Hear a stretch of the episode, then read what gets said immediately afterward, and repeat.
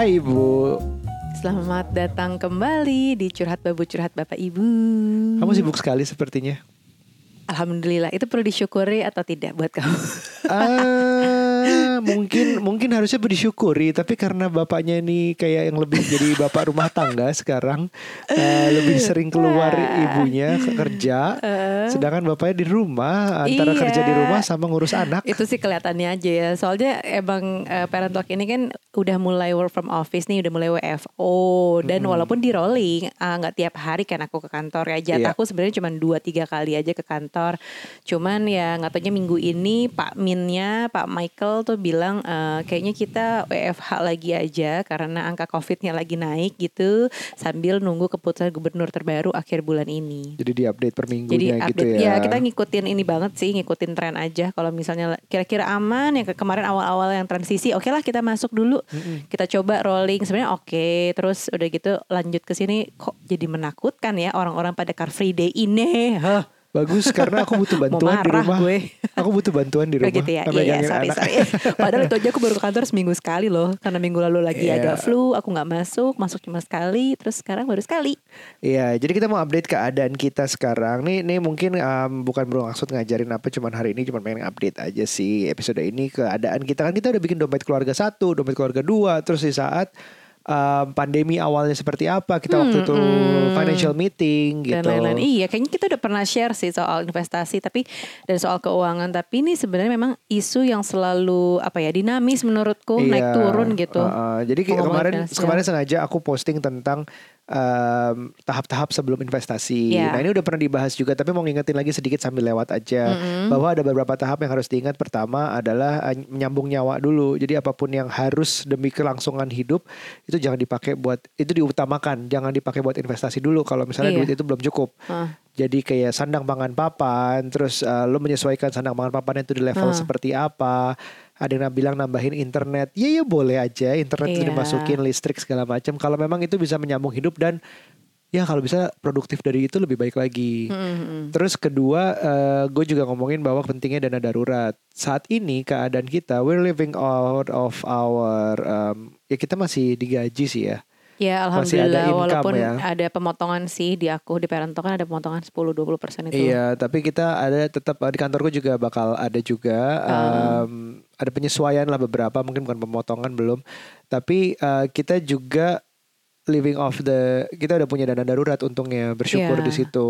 Jadi um, di polin aja dana daruratnya ya disimpan. Heeh. Jangan lupa di tempat yang investasi tapi cukup cukup liquid sebenarnya. Iya. Jadi um, entah itu kalau yang bisa dijual cepat Hmm. um, atau itu deposito atau apa terserah, tapi um, pokoknya itu prinsipnya untuk bisa menghidupi di saat keadaan seperti ini dan kita grateful banget kita punya itu. Ya ya ya, grateful lah punya dana darurat ini. Uh, uh, terus ketiga adalah asuransi. Walaupun sekarang asuransi itu um, mau keadaan pandemi nggak pandemi bagi kita tetap penting Sama pentingnya dengan da- sama dana pentingnya darurat. ha-ha, apalagi mungkin sekarang um, tiba-tiba sakit semua sakit itu kan parno kan Iya, padahal cuma kayak kemarin flu ingusan gitu kayak, aduh, gue corona kali ya, gue corona kali ya. ada batuk dikit langsung kaget Corona, gitu ini apa nih corona. demam dikit ah kaget terus langsung swab eh sorry langsung rapid dulu terus kalau rapid nanti ada swab segala macam Iya. itu juga nah itu um, jangan ditambah stres dengan nggak punya asuransi gitu bagi kita sih. Kita bersyukur kita punya asuransi. Benar, ada asuransi jiwa, ada asuransi kesehatan. Uh, bahkan harus diingat juga nanti kita bahas di 3 days of lunch tuh pentingnya asuransi di level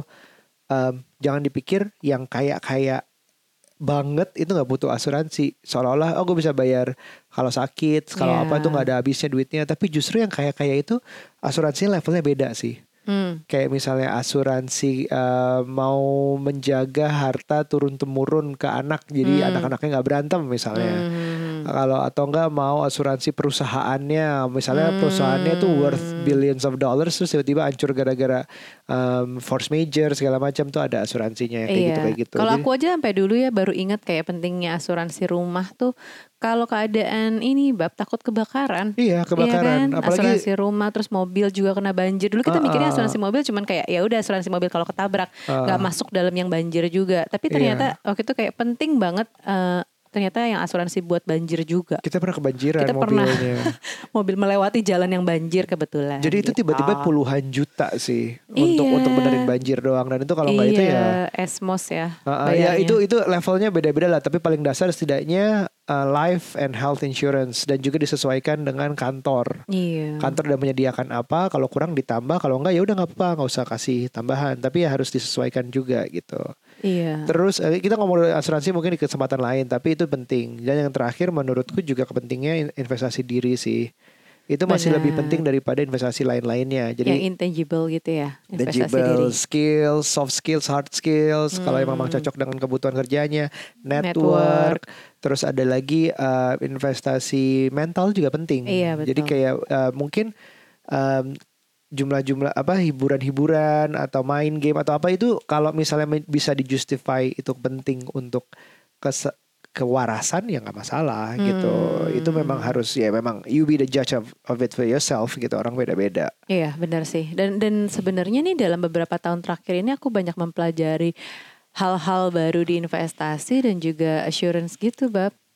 Oke. Insurance, kok Mm-mm. insurance ya, Uh-uh. insurance. Jadi ya banyak aku pelajarin yang tadinya aku nggak tahu. Kayak misalnya sesimpel bedanya asuransi jiwa dan asuransi kesehatan. Ya Allah ke mana aja gue gitu Iya. kan kayaknya. Oh ternyata tuh beda banget ya gitu. Iya. Dan kayak asuransi jiwa, asuransi yang mana nih? Soalnya ada yang dwiguna lah, ada yang asuransi memang murni, ada yang berjangka dan lain. Pokoknya kayak macam-macam gitu ternyata. Dan oh wow, baru tahu Iya. ke mana aja ya gue gitu. Sampai bahkan unit link misalnya yang mungkin kontroversi di beberapa orang, tapi Iya. bagi kita mungkin um, setidaknya dasarnya tahu dulu ban- sebanyak mungkin produk, Iya. terus sesuaikan dengan diri masing-masing. Betul, karena gitu. emang itu referensi kita beda-beda ya. Iya. Preferensi kok referensi. Preferensi, um, budget, terus kebutuhan gitu beda-beda Iya, iya, iya, iya. semuanya. Dan memang penting sangat eh, untuk belajar ini dan itu soal finansial, bukannya Hmm. mau matre, bukannya mau duniawi dan lain-lain.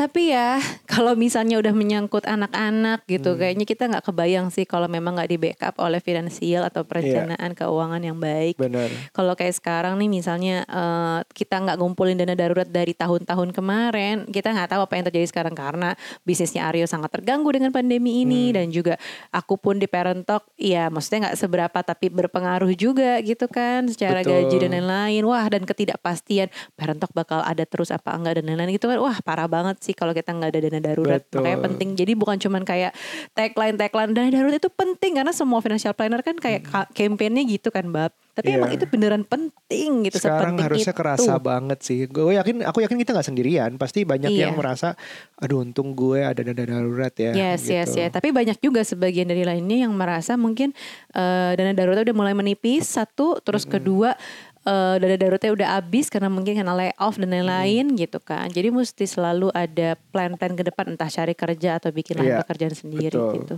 Tapi untuk beberapa yang punya duit sekarang, uh, yang masih ada duit yang tadinya mung- mungkin mau bisnis tapi takut, um, waduh, ini gimana nih kejelasannya masalah covidnya ini? Atau dia punya uh, mau ada spending besar seperti mau beli rumah Iya. atau mau uh, renovasi atau apa, tapi deg-degan karena masalah ini. Uh, mungkin ada ada kita juga mau ngomongin untuk yang nih kalau gua ada duit lebih investasi sekarang tepat nggak sih? Gitu. Iya bener sekarang. Kalau menurut kamu gimana Bab sekarang tuh kondusif gak sih untuk kita berinvestasi ya Iya. secara general? Kemarin aku Dalam kondisi pandemi ini nih kita udah masuk bulan keempat pandemi gimana menurut Kemarin kamu? aku ngomongin saham. Iya. Um, dari sisi saham tuh uh, memang sekarang udah agak naik lagi kan dulu kan uh, indeks kita 6 ribuan. Hmm. Terus sempat turun sempat banget tanggal uh, bulan Maret kemarin tuh di bawah 4 ribu. Itu lebih dari separoh turunnya. Hmm. Dan uh, itu saat ini adalah titik terendah setelah berapa tahun lah. Nah Oh, saat ini wow. udah di 4.900 hari ini 4.900. Hmm. Harusnya kan kalau orang mikir masuk di 3.900 itu uh, saham apa pun ya Iya. itu kebanyakan naik sampai sekarang 4.900 tuh pasti naik Oh lumayan lah ya. lumayan naik walaupun naiknya mungkin beda-beda Heeh, heeh, Nah, heeh. Apakah sekarang saat yang tepat Em, sebelum itu kita harus mengenal profil resiko kita dulu jadi saham itu sangat eh, salah satu yang bentuk yang sangat agresif Mm-mm. jadi kalau misalnya orangnya em, kayak aku gitu. deg-degan konservatif ternyata Kayak aku konvensional. Ah, ah, ah, ko- jadi merasa bahwa aduh gue naruh segini gimana ya besoknya? Ternyata ih turun lagi turun lagi.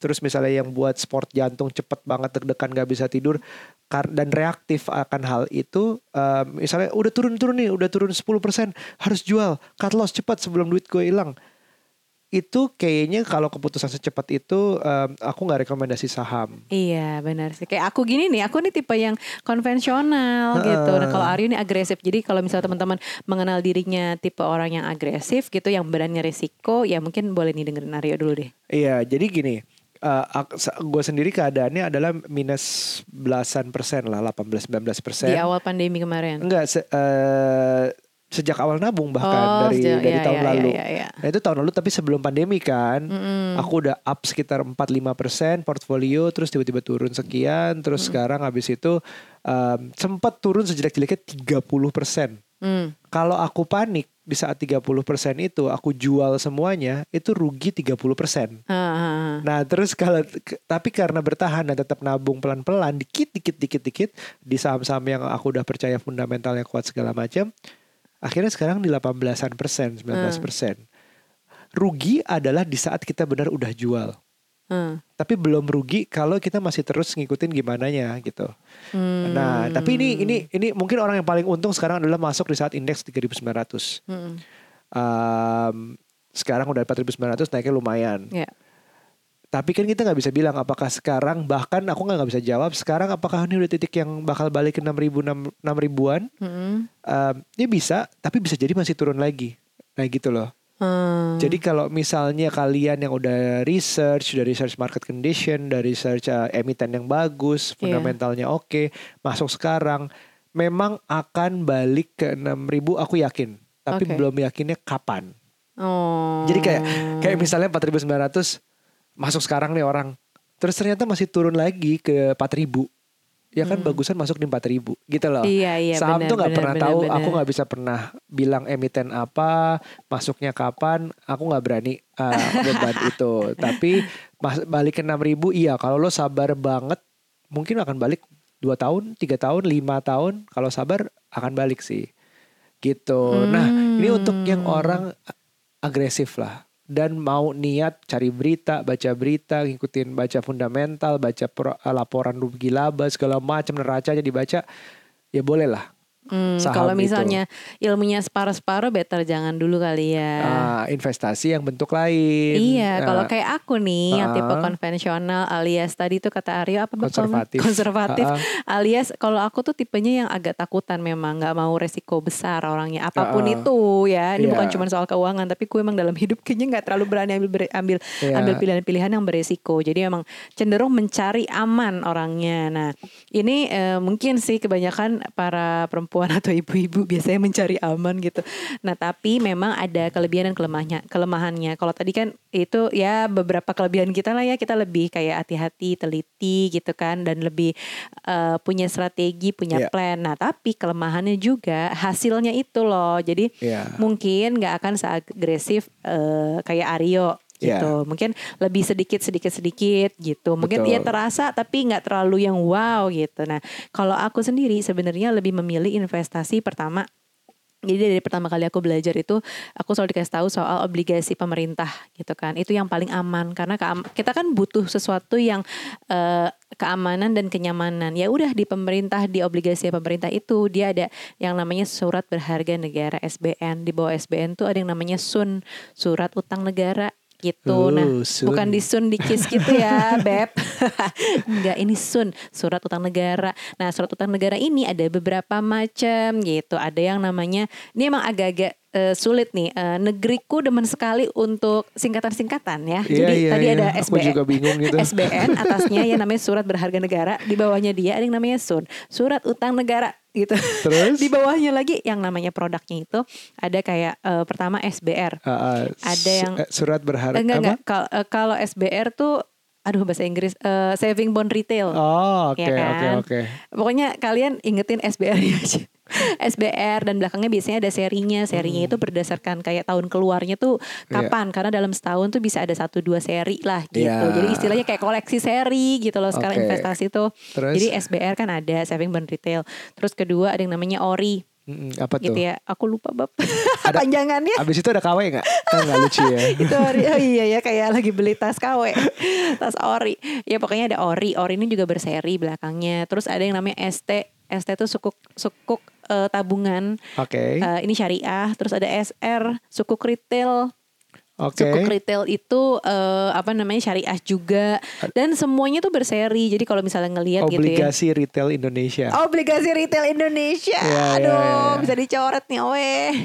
Iya iya di 17 sekarang ya Iya, kalau sekarang udah 17. Nah, dari sejak tahun lalu udah mulai eh, investasi itu kita membagi-bagi, aku sih membagi-bagi. Jadi eh, biasanya aku adalah tahapnya gini, aku tabung dulu, kumpulin uangnya gitu kan. Dari kalau aku memang dari kerjaan, dari apa? Dari kerjaan lah Iya. mostly ya. Uang dari kerjaan karena kebetulan kita sendiri eh, ada uangku uangmu alias eh, dan uang kita. Jadi Iya, Aryo punya uang sendiri, aku punya uang sendiri dan kita punya uang yang bersama yang buat eh, operasional sehari-hari. Tapi aku juga punya uangku tadi itu. Uangku tuh yang kayak gajiku, terus eh, aku punya kerjaan-kerjaan sampingan lain kayak gitu-gitu. Nah, dari uang situ aku kumpulin sampai jumlah tertentu. Biasanya ini nih ini behaviorku ya untuk Heeh. nabung ya, untuk berinvestasi. Jadi udah mencapai angka ter- tertentu, biasanya aku suka angka yang bulat. Biar apa? Biar gampang aja ngitungnya. Oke. Sesimpel itu nih tapi nggak usah harus diikutin. Jadi sampai bulat baru aku masukin ke dalam dan aku membeli si obligasi ini gitu dalam bentuk yang tadi tuh ada SR. Jadi aku sendiri udah punya SR, SR 11, SR 12, ada Ori, Ori 16, aku juga ada. Itu Gitu. itu didiemin aja ya Didiemin aja karena tenornya 2 Kar- sampai 3 tahun. karena ada yang Ada yang digunakan dua, ada yang tiga tahun. untuk misalnya liburan Iya. atau atau keperluan, Keperluan apa macam-macam. bunganya karena Iya. Levelnya kenapa nih orang juga harus tahu eh, Nucha sukanya aman tapi em, ini bunganya masih lebih baik daripada deposito daripada di iya, bank kita daripada nggak sebut deposito bunga ya, kita bilangnya eh, timbal hasil gitu. Oh, gitu. Oke. Voucher, voucher bilangnya. Oke, oke, oke, Kupon, oke. kupon. Nah, Inter, apa bukan apa namanya investasinya Iya, returnnya return return. Ya gitu. Jadi ada vouchernya itu berapa nilainya. Kalau sekarang aku tuh beli dari zamannya masih 7,8 persen. Sekarang sudah akan menurun. Ori ini di 6,4. tapi masih lebih tinggi dari Tapi deposito lebih ko- ya masih kompetitif dibandingkan dengan bentuk investasi lainnya gitu. Jadi kemarin tuh banyak sekali pertanyaan-pertanyaan masuk aku. Jadi kak kita tiap bulan harus masukin uangnya gitu.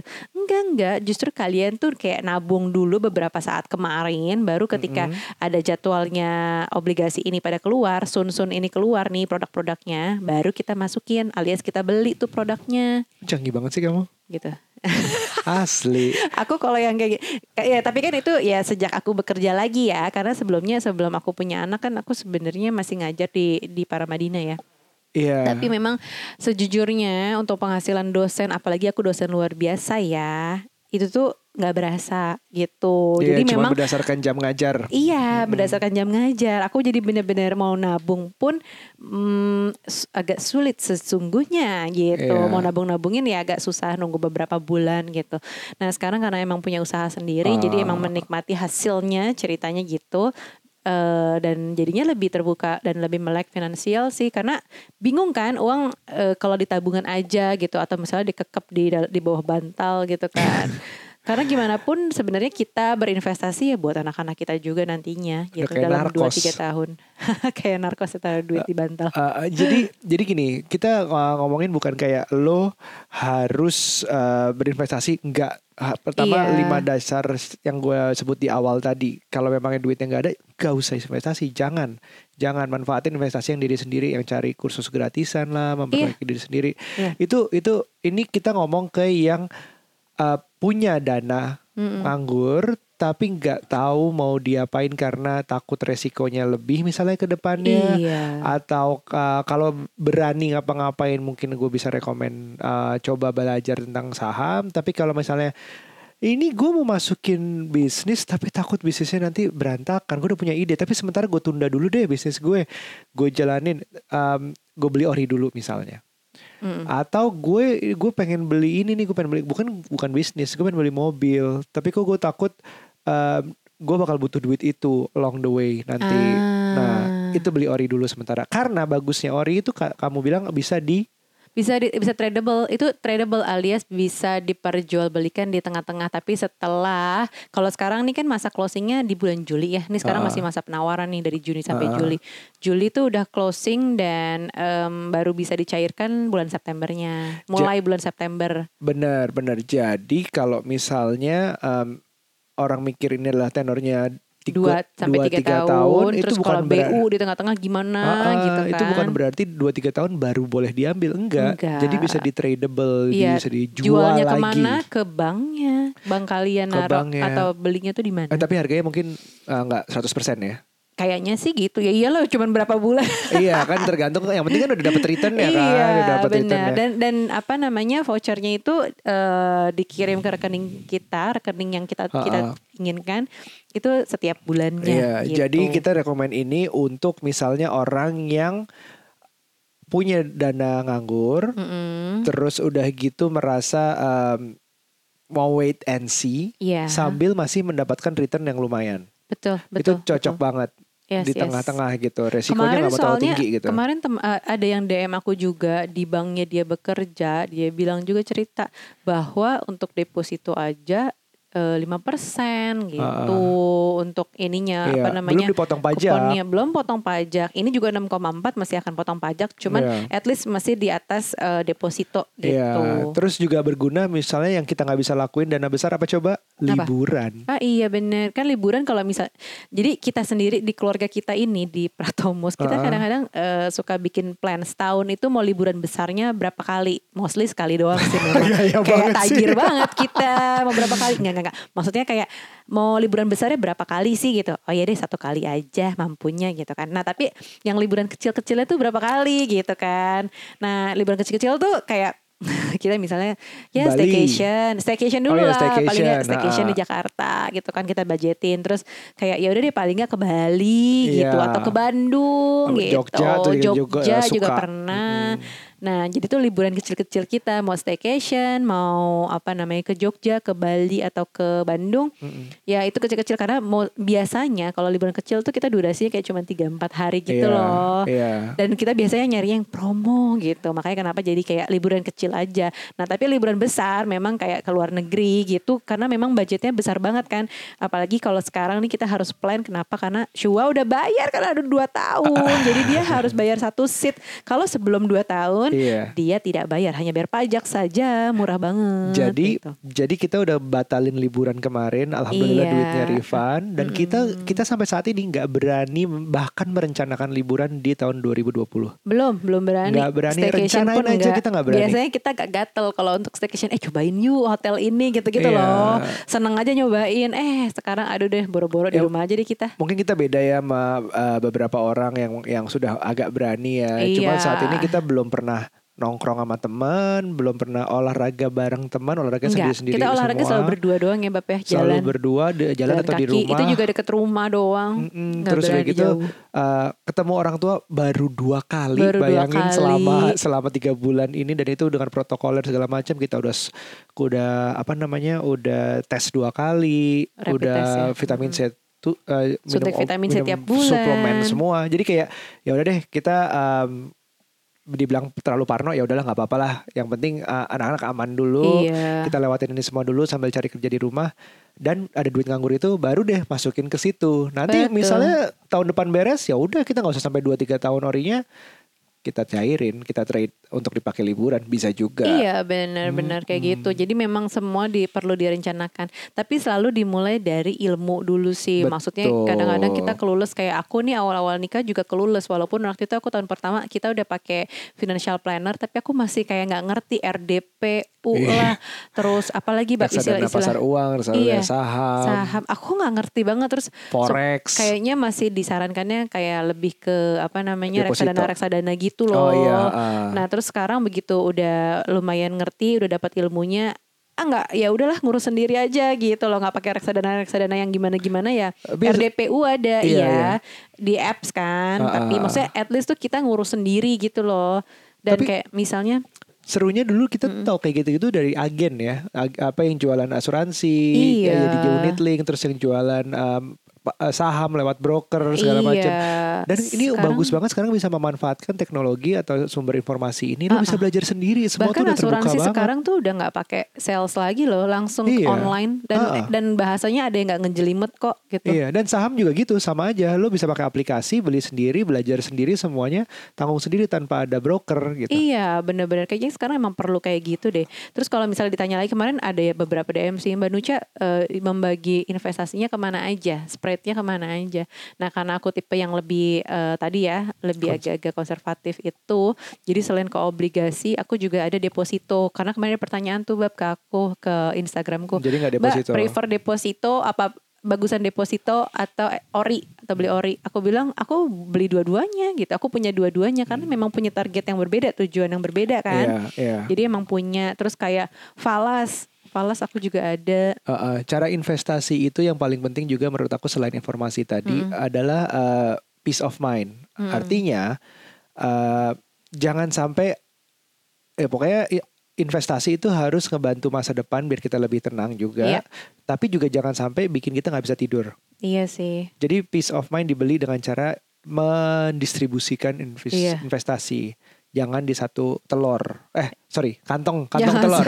Don't put your egg in one basket. Jangan satu kantong doang. Jadi lo Iya. sebar sehingga lo mendapatkan a peace of mind yang pas. Iya ini kayak ini mungkin abis ini ada yang dengerin nih salsa salsa lagi minta diajarin eh, beli ori gimana SBN tuh apaan Belinya sih gampang sih.